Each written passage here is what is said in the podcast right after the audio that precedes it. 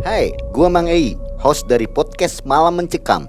Saat ini gua dan tim sedang bekerja sama dengan Anchor, sebuah aplikasi yang kita gunain untuk membuat dan publish podcast kita ini. Kita mau kasih tahu nih, ternyata membuat podcast itu gampang banget dan 100% gratis. Selain gampang dan banyak digunain, semuanya yang kita perluin untuk membuat podcast juga ada di dalam Anchor. Termasuk untuk distribusi ke Spotify dan platform podcast lainnya. Yuk segera download aplikasi Anchor dan bikin podcast kamu segera. Assalamualaikum warahmatullahi wabarakatuh. Waalaikumsalam warahmatullahi wabarakatuh. Sobat MM, sobat malam mencekam. Malam ini kita hadir kembali di kisah horor lainnya dari kami. Dan kesempatan ini kami berada di kota Cirebon, tepatnya di pemakaman umum Gagareto Iya, betul. di daerah Kebon Pelok. Iya betul. Saya Mang Ei bersama Angnai. Angnai. Iya betul. Dan perlu Anda ketahui bahwa Angna ini adalah berprofesi sebagai penggali kubur. Sobat malam mencekam, sebelum kita mulai, untuk Anda yang memiliki cerita horor, silahkan kirim ke email kami malammencekamstory@gmail.com. Nah, giliran malam ini kita akan langsung ke Angnai yang akan bercerita tentang pengalamannya sebagai penggali kubur. Assalamualaikum Angnai. Waalaikumsalam warahmatullahi wabarakatuh. Angnai punten nih Jadi ngeganggu mangga nih. mangga mangga. Sekarang udah hampir jam 12 nih ya. Betul betul. Jadi kita benar-benar berada di tengah malam, di tengah pekuburan. Iya, yang sepi sunyi. Sepi sunyi. Iya mencekam. Maaf pengganggu nih. Jadi Hmm. kita mau ngobrol-ngobrol Hmm.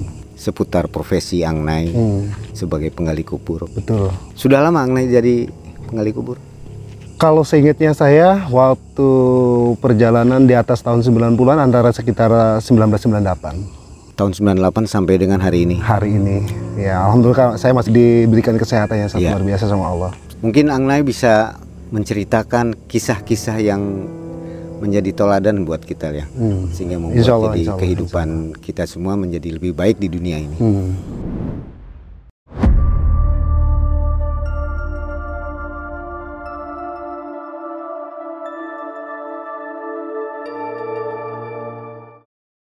Pertama kulul nafsim zaikatul maut yang setiap berjiwa yang memiliki nyawa pasti akan mati. Dan proses kematian itu berbagai macam cara jenis dan rupanya. Justru kalau orang tua tua dahulu kalau istilah Jawa maya yen temenan menusa urip kudu weru mati. Weru mati sedurunge urip weru urip sedurunge mati konon jadi intinya kalau dijabarkan secara luas bab kematian tersebut kembali lagi kepada insan sebagai makhluk yang Allah ciptakan. Karena walau bagaimanapun juga kita hidup itu ada yang menggerakkan yaitu Allah Subhanahu wa taala. Dan untuk hal-hal yang lainnya termasuk hal-hal yang mistis secara pribadi pengalaman saya sebenarnya sih nggak bisa diungkapkan dengan kata-kata atau kalimat ya Pak ya. Karena begitu hal-hal yang seperti ini tuh hal yang sakral bagi saya Maya hal yang mistis. Cuman sebagai wacana kita untuk kenal sama Allah bagaimana jadi ketika terjadi hal-hal yang aneh ya bahkan kematian tersebut ya ketika saya sebagai apa menjadi seorang penggali kubur itu ada tanda tandanya tersendiri. Contoh ketika saya berdomisili di sini ya eh, sebagai penggali kubur, setiap orang yang meninggal tersebut memberikan tanda tersendiri. Setiap kali ada orang meninggal itu yang namanya istilah ini keranda ya, katil lah kalau orang ini mah orang ngomong katil atau keranda ya. Itu keranda memberikan tanda goyang dengan sendirinya atau goyang-goyang sendiri. Cuma saya nggak ngerti itu apa, fenomena apa, apa sih sekedar perasaannya saya atau bagaimana saya sendiri tidak tahu. Keranda Cuma yang ada di sebelah kita ini. betul Pak itu kerandanya. Terkadang itu goyang sendiri ketika ada kematian Itu tersebut. semua orang bisa lihat atau Ya gimana? di lalanya itu kejadiannya itu pas ketika saya sendiri di sini. Iya, ketika saya sendiri di sini bahkan ada aja ada suara-suara yang aneh tuh, Pak. Ada ya contoh kayak bumi bumi itu kayak kayak gempa tapi kayak ngerasain tidak ada gempa gitu. Tapi yang, anehnya itu bumi itu bergetar dengan sendirinya. Ya pikirnya saya mungkin ada orang yang bakal meninggal nih gitu ya. Cuman sapa-sapanya saya sendiri tidak tahu, Pak. pengalaman dari tahun 98 98 itu waktu pertama kali ada nggak pengalaman yang itu hal yang menakutkan sebenarnya Pak. Waktu terjadi itu sekitar ha- hari Rebo. Kalau singkat saya itu hari Rebo ya. Di bulan Juli 1998 itu pertama kali saya menjadi profesi penggali kubur. Itu yang aneh ketika saya mencangkul tanahnya tersebut Pak ya. Yang keluar itu darah. Justru saya ini ada tanda fenomena apa itu yang termasuk melihat itu saya sendiri. Yang lain tidak bisa melihat. Pikirnya saya tuh ini darah apa gitu. Cuman saya ngomong sama orang-orang yang ada di sekitar saya ya, termasuk dari pihak keluarganya atau kerabatnya atau teman-teman saya. Itu itu darah itu darah. Mereka mereka mereka mereka semua tidak melihat darah apa sih? Jadi darah apa? Orang gak ada darah gak ada apa? Perasaan kamu yang saja jadi gitu. Itu bukan darah sebenarnya itu halusinasinya kamu. Tapi yang saya secara pribadi saya melihat darah Pak. waktu pas tanah tanah yang pertama kali saya gali itu melihat darah. Yang anehnya gitu pas malamnya itu saya di rumah ya waktu pas tidur itu pintu kayak digedor pak. Pas gedor satu kali saya buka tidak ada orangnya itu pas waktu kejadian saya melihat tanah tanah yang saya gali itu keluar darah. Gedor yang kedua lagi ketok-ketok pintu kayak gitu ya saya keluar lagi. Pas dilihat lagi nggak ada. Pas tiga kali lagi ada ketukan pintu saya buka itu udah berdiri pak. Sosok pocong. Saya juga nggak ngerti pertama kali saya lihat itu saya takut pak. Saya langsung jatuh pingsan karena masih baru ya. Karena masih baru pertama kali itu saya sampai pingsan. Saya juga rasa ketakutan yang sangat luar biasa ya udah saya saya nggak sadarkan diri. Pas sadar sadarnya pagi jam sekitar jam sembilanan pagi saya udah di dikerumunin orang banyak termasuk keluarga saya orang orang tua saya. Entena apa iran apa iran apa cung? Iran apa cung? Iran apa? Beli mie beli. Kata saya kan saya manggil mie sama mimi beli mie beli apa apa mie cuman kula iki perasaannya perasaannya saya lagi ketakutan aja mi gitu. Kamu lihat apa kata orang tua? Belindelang apa-apa karena saking takutnya pak. Saya takut itu pertama kali dia itu pas malam dia datang pak. Hmm. itu saya juga se- sendiri nggak ngerti apa sebenarnya yang terjadi. Itu pengalaman yang pertama yang ya. perka- pertama kali saya ingat saya itu hari Rebo di bulan Juli.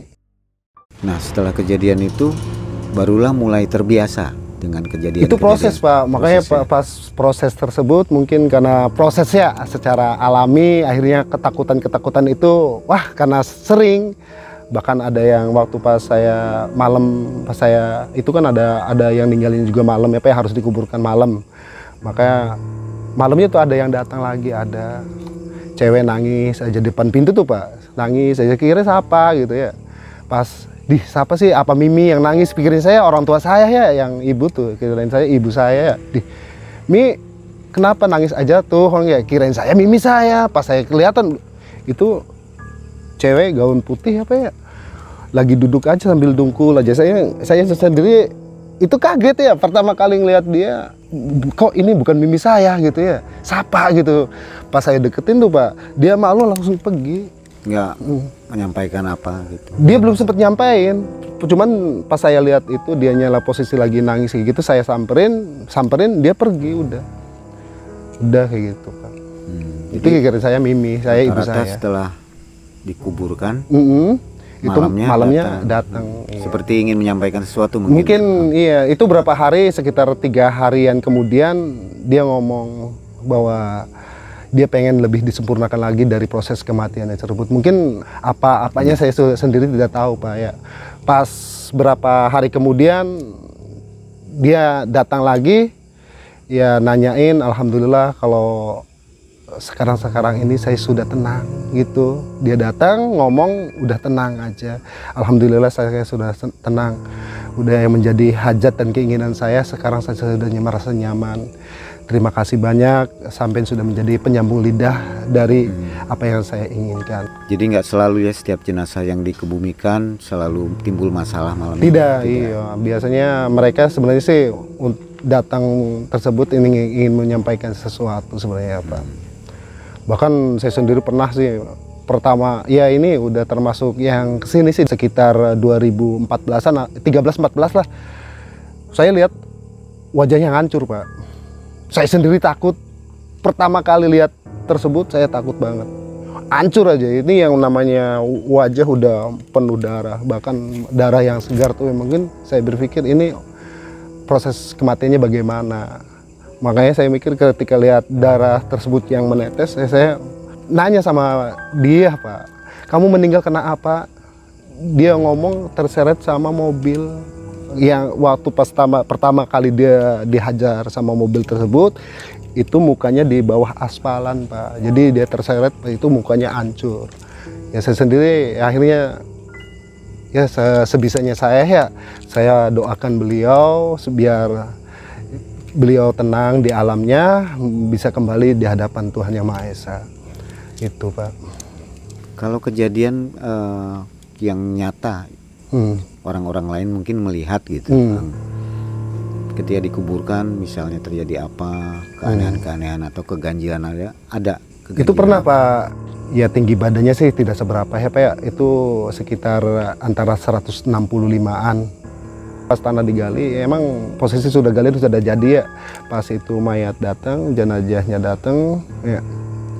Proses penguburan itu yang anehnya tuh tanah galian tersebut tuh nggak muat digali lagi naikin lagi itu jenazahnya. Naikin lagi digali lagi panjang lagi apa pendek lagi. Sampai kayak perasaan ini tuh kayak ada kayak ada manipulasi apa gitu ya. Saya sendiri nggak ngerti itu galian tuh padahal sudah lebar udah panjang. Itu terjadi lagi seperti itu lagi. Bahkan si mayit ketika dimay, dimasukin jenazah dimasukin tuh nggak muat pak. Jadi akhirnya proses berbagai proses sudah itu akhirnya pihak keluarga memutuskan kalau begitu udah si tanah galiannya dilebarin terus tekuk aja akhirnya dimaksa ditekuk di, dibengkokin tuh pak. Akhirnya baru bisa dikuburkan. Itu pak. Tanah tersebut tuh ini si jenazah itu semakin panjang panjang panjang panjang. Seperti nggak mau nerima gitu ya? Iya iya kayak bumi tuh kayak seolah-olah kayak menolak tidak terima dengan apa yang datang tersebut. Ya saya kan nggak ngerti fenomena apalah apa ya saya sendiri nggak ngerti ya.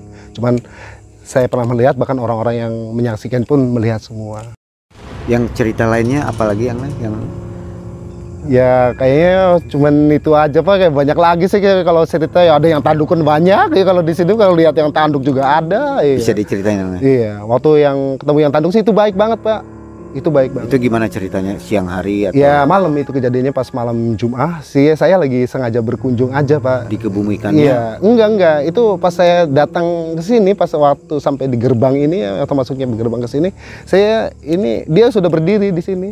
Dia sudah berdiri. Cuman saya pertama kali dia bertanduk itu ya dengan tinggi besar yang begitu ya saya cuma ngucapin salam sama beliau assalamualaikum warahmatullahi wabarakatuh dia ngejawab langsung hmm, waalaikumsalam warahmatullahi oh, jadi penghuni di sini iya langsung ngomong bukan dari iya bukan bukan maaf jadi sosok penunggu yang ada di oh, sini. Iya penunggunya yang ada di sini. Pas saya bertanya, kalau istilahnya kita saya biasa ngomong Jawa ya, jenengan siapa namanya gitu ya.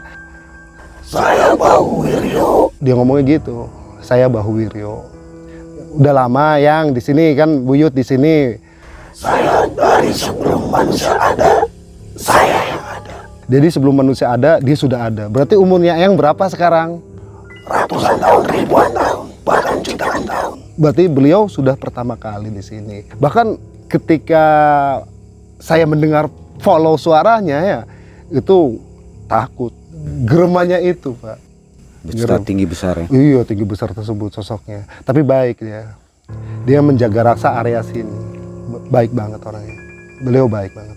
Kembali ke jenazah. Mungkin ada cerita lainnya yang bisa diceritakan misalnya keganjilan-keganjilan yang lain. Ada nggak? Kalau untuk keganjilan-keganjilan yang lain sih kayaknya gimana ya kalau cerita tuh kayak nggak bakal habis satu hari dua hari sih pak ya hmm. karena tuh begitu banyak banget perjalanan-perjalanan selama saya menjadi penggali kubur tuh jadi kejadian-kejadian seperti memanjangnya jenazah hmm. itu bukan sekali kan wah ya ada satu dua tiga empat lima bahkan iya. Jadi setelah ditelusuri memang ternyata waktu hidupnya mereka begini, ya ternyata begini, begitu begini, iya ya istilah kalau orang Jawa ngomong mah ada sebagian yang bukan haknya itu diambil. Ya. Itu bukan bagiannya diambil. Nah, Angnai ini punten bertanyanya rada aneh nih. Hmm. Artinya kan banyak orang yang pesugihan katanya. Hmm. Begitu dia meninggal, Hmm. katanya jenazahnya Hmm. ganjil gitu. Itu pernah nggak kejadian? Jenazah pesugihan yang meninggal misalnya. Ya ini mah pernah ya Pak ya saya lihat secara pribadi itu ya. Yang paling aneh itu ketika saya ngangkat, pikirnya saya ini bukan manusia. Kayak kedebok tuh Pak. Kayak kedebok pisang. batang pisang tuh Iya. Pak. Kayak kedebok kalau Jawa kan ngomongnya kedebok ya. Iya. Itu kayak di ini mah kayak batang pisang gitu. Saya ngerasa aneh itu akasnya tuh beda Pak. Iya, Waktu pas saya angkat akasnya beda. Iki siapa? Yang ini, ini siapa? Yang dipercaya kan ini siapa? Cuma saya nggak bisa disebutin siapa ya Pak ya. Itu cuman Angga yang lihat. Iya, ngelayas sendiri saya ngerasakan. Cuman pikirnya orang-orang yang ada di sekitar itu tiga orang yang masuk ke liangnya pak ya. Saya ngangkat yang posisi pertama awal berarti pas kalau itu mah di kepala lah, ya di kepala saya ngangkat ya. Itu cuma ngerasa aneh saya tuh. Ini bukan manusia nih. Apa nih yang saya angkat gitu? Saya mikirnya gitu. Ini jelas kayak kedebok, kayak pohon pisang, batangnya pisang tuh pak. Cuman saya udahlah diam. Saya diam aja. Cuman pas udah saya kubur saya buka aja ya Pak ya karena saya juga bagian yang buka, bagian yang ngajanin saya, saya yang ngomatin ya udah saya buka aja. Itu sampai yang sampai belakang juga dibukain semua, saya bukain semua. Cuman saya udah paham ini bukan manusia. Ini pohon pisang, udah saya yakin seperti itu Dilihat, aja. abang. I- ya dilihat ini pohon pisang. Memang nggak ada. Nggak ada nggak ada jasanya. Karena mungkin proses dia selama perjalanan hidup di bumi ini di dunia ini mungkin ada cara mencari uangnya tidak beres ya salah atau menyimpang lah dari bukan nyupang ya pak ya. Kalau nyupangnya nyuun sama pangeran tapi nyimpang dari ajaran-ajaran yang sudah ada dari ajaran-ajaran agama baik secara hukum agamanya baik secara hukum pemerintahannya udah melanggar lah intinya Dia itu. Iya, ada tuntutan. Ya Allah berikanlah aku keselamatan di dunia dan keselamatan di akhirat dan berikanlah aku dari api neraka. Kalau secara isinya bagaimana? Robalah hatimu selagi Anda hidup di dunia yang baik. Sampai mati yang baik. Itu. Nah ada yang bertanya gini, Iya. Angga, kalau mereka yang diwadalkan Hmm, meninggal hmm. itu seperti apa Angga di waktu dikebumikannya? Ada pernah contoh nggak? Ya hampir posisinya kayak waktu pas saya menceritakan bab itu kayak batang, Batang, pisang tersebut, tapi hampir prosesnya sampai sama. Hampir sama. Iya, sa- sampai ya itu yang ada ya si kedebogan tersebut. Itu itu yang Batang diwadalkan atau iya dia yang diwadalkan. Satu keanehan itu yang modal proses-proses wadal tersebut tapi ya yang namanya ilat tuh menjulur pak, panjang keluar. itu yang diwadalkan? Iya yang wadalkan. Cuman saya yakin itu bukan lidah yang keluar tersebut. Karena lidah tersebut nggak secara logika nggak mungkin panjang lidahnya manusia paling panjangnya seberapa sih pak ya? Antara 10 cm atau panjang-panjangnya 15 cm lah. Itu panjang banget menjulur panjang. Cuman saya yakin itu bukan lidah. Saya yakin itu apa tangkainya pisangnya. Itu yang menjulur panjang. Mm-mm. Ya aneh makanya saya- ini jelas ini ada hal tipu muslihat. Saya yakin mereka intinya terpenjara lah pak di alam alam kegelapan tersebut. Intinya pengen pulang tidak tahu pulang, pengen kembali di hadapan Allah tidak tahu jalan pulangnya pak. Makanya ketika ditampakkan kejadian tersebut yang ada apa pohon kedebukan tersebut. Cuman secara kasat mata, secara umum apa ya mungkin kelihatannya ya manusia umum, tapi saya melihat itu gedebogan. Debogannya. Iya, gedebogan. Cuman saya melihatnya itu lidah yang panjang. Iya, itu prosesnya lidahnya Itu kalau panjang. jenazah yang iya, diwadalkan. ya. Iya, yang diwadalkan tersebut. Kalau dia pelaku, Hmm. Pelaku pesugihan itu pernah kejadian nggak? Ya, wa, ya ada sih mungkin ya dari itu nggak diusahakan dari apa dari wilayah sini apa ya mungkin dari wilayah orang luar ya pak ya Mhm. mungkin dari pendatang atau gimana mungkin dia sebagai tokoh utama atau pemeran utama ya Iya, iya. dalam perdukunan atau si paranormal atau apa ya saya sendiri juga tidak ngerti itu ya begitu kematiannya tidak enak Seperti apa tuh? Yang namanya ini seluruh unsur tubuhnya beliau itu keluar darah semua pak. Dari pori-porinya tuh. Itunya yang namanya kayak ikan kapan kan putih bersih apa ya? Itu sampai yang ngerasain aneh lah. Darah ya namanya darah amis ya pak ya. Nanah juga ih amis ya pak ya. Sampai tercium bau yang aneh. Makanya Semua orang bisa lihat itu. Nilai lihat semua karena darah semua. Hampir darah. Makanya saya ngeri banget ya itu baunya aja udah nggak ketahan. Itu masih dalam proses proses mau dimasukin ke liang lahat. Setelah ditelusuri ternyata waktu hidupnya dia pelaku. Pelaku sebagai Dukun paranormal atau dukun Santet ya. mungkin. santet. Ya saya nggak ngerti santet apa itu. Ya mungkin ya cuman ya itu jalannya itu karena nggak benar pak. Ya itu ending akhirnya bagaimana? Akhirnya begitu. Iya. yang ada ya keluar semua. Nah, Nay, kalau tadi kan mungkin dari kehidupannya melakukan hal-hal buruk. Kalau mereka yang soleh, ibadahnya bagus, ada cerita nggak? Wadah, bahkan itu tanah udah rata pak. Saya sendiri juga ya nggak ngerti walau kalau tanah tersebut itu ada kuburan, ada jenazah yang di dalam tanah. Itu rata aja, nggak ada tanda-tanda ini kayak model kayak begini kan ada tandanya ya pak ya.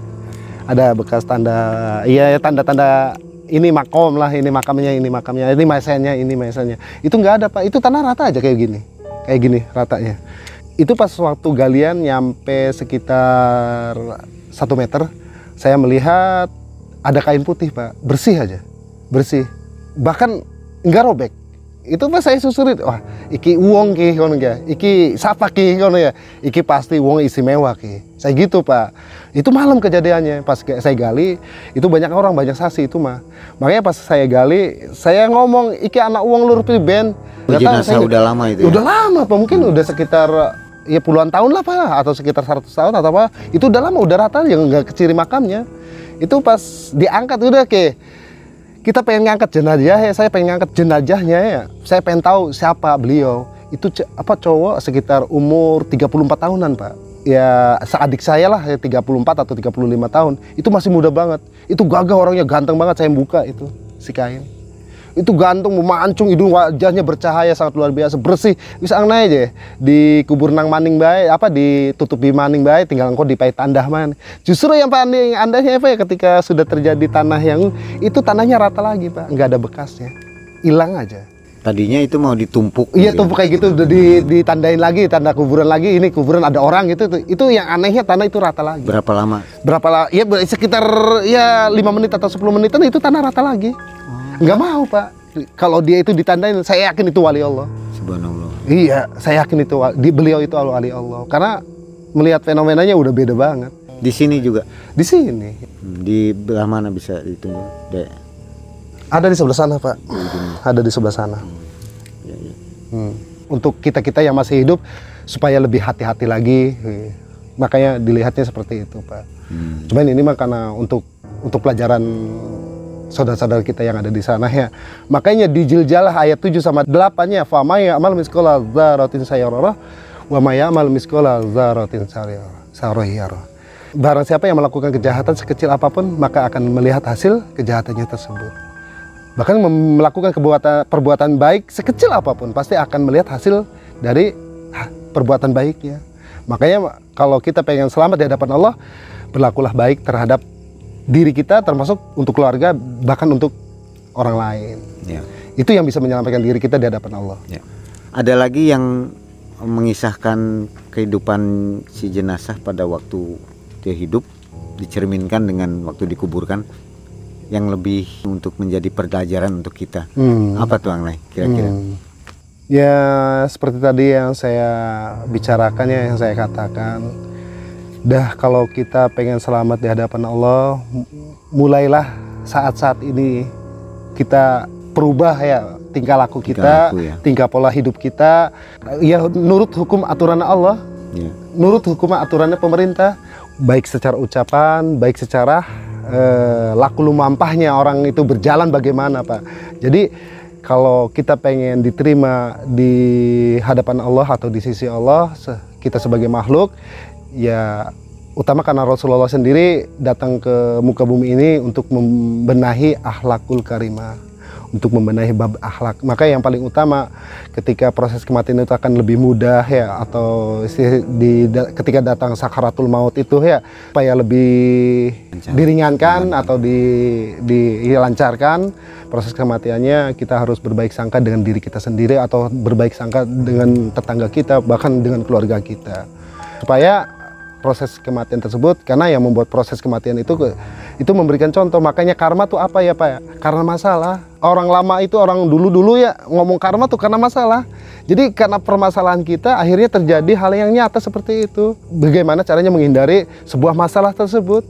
Biar ketika kita menuju akhir hayat kita dalam keadaan baik atau husnul khotimah diterima di hadapan Allah. Jadi yang ditunjukkan lebih ke arah hablum minanas. Ya hablum minanas, hablum minanas itu berbaik sangka dengan orang-orang yang ada di sekitar utama kayak gitu. Karena akhlak itu akhlak itu yang paling utama apa yang bisa menyelamatkan diri kita di hadapan Allah karena akhlaknya kita. Ya sobat MM, ceritanya sangat membuat kita memeriksa kembali diri kita seperti apa pada waktu hidup ini. Luar biasa cerita dari Angnai. Nah sahabat, Angnai akan bercerita kembali mungkin di lain waktu. Jika Anda menyukai dengan cerita Angnai, silahkan tulis komentar di bawah ya. Kalau memang banyak komentarnya, kami akan tampilkan kembali Angnai untuk bercerita tentang dunia setelah kematian.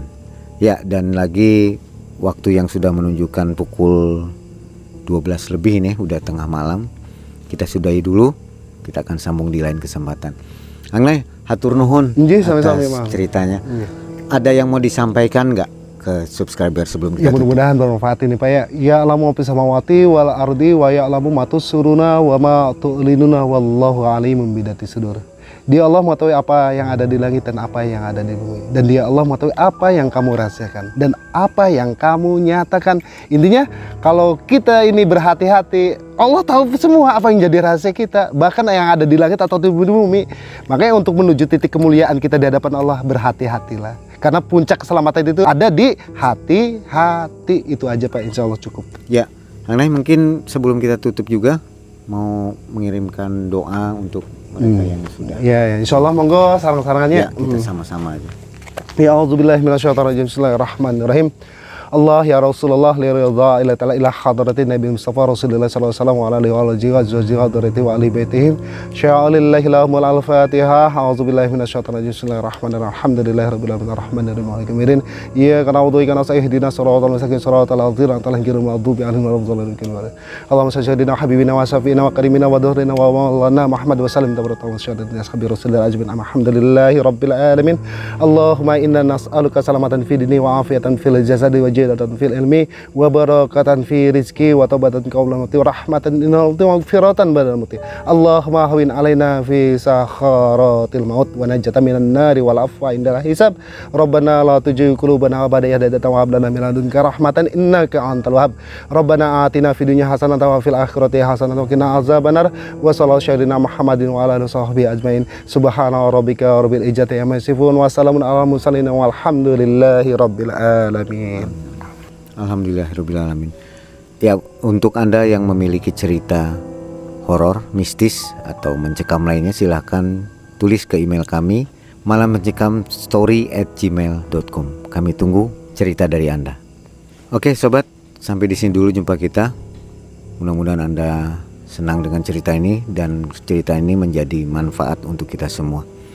Saya ucapkan dari Cirebon, dari pekuburan Gagareto. Gagareto uh, Kebon Pelok ya. Wabillahi taufiq wal hidayah. Wassalamualaikum warahmatullahi wabarakatuh. Waalaikumsalam warahmatullahi wabarakatuh.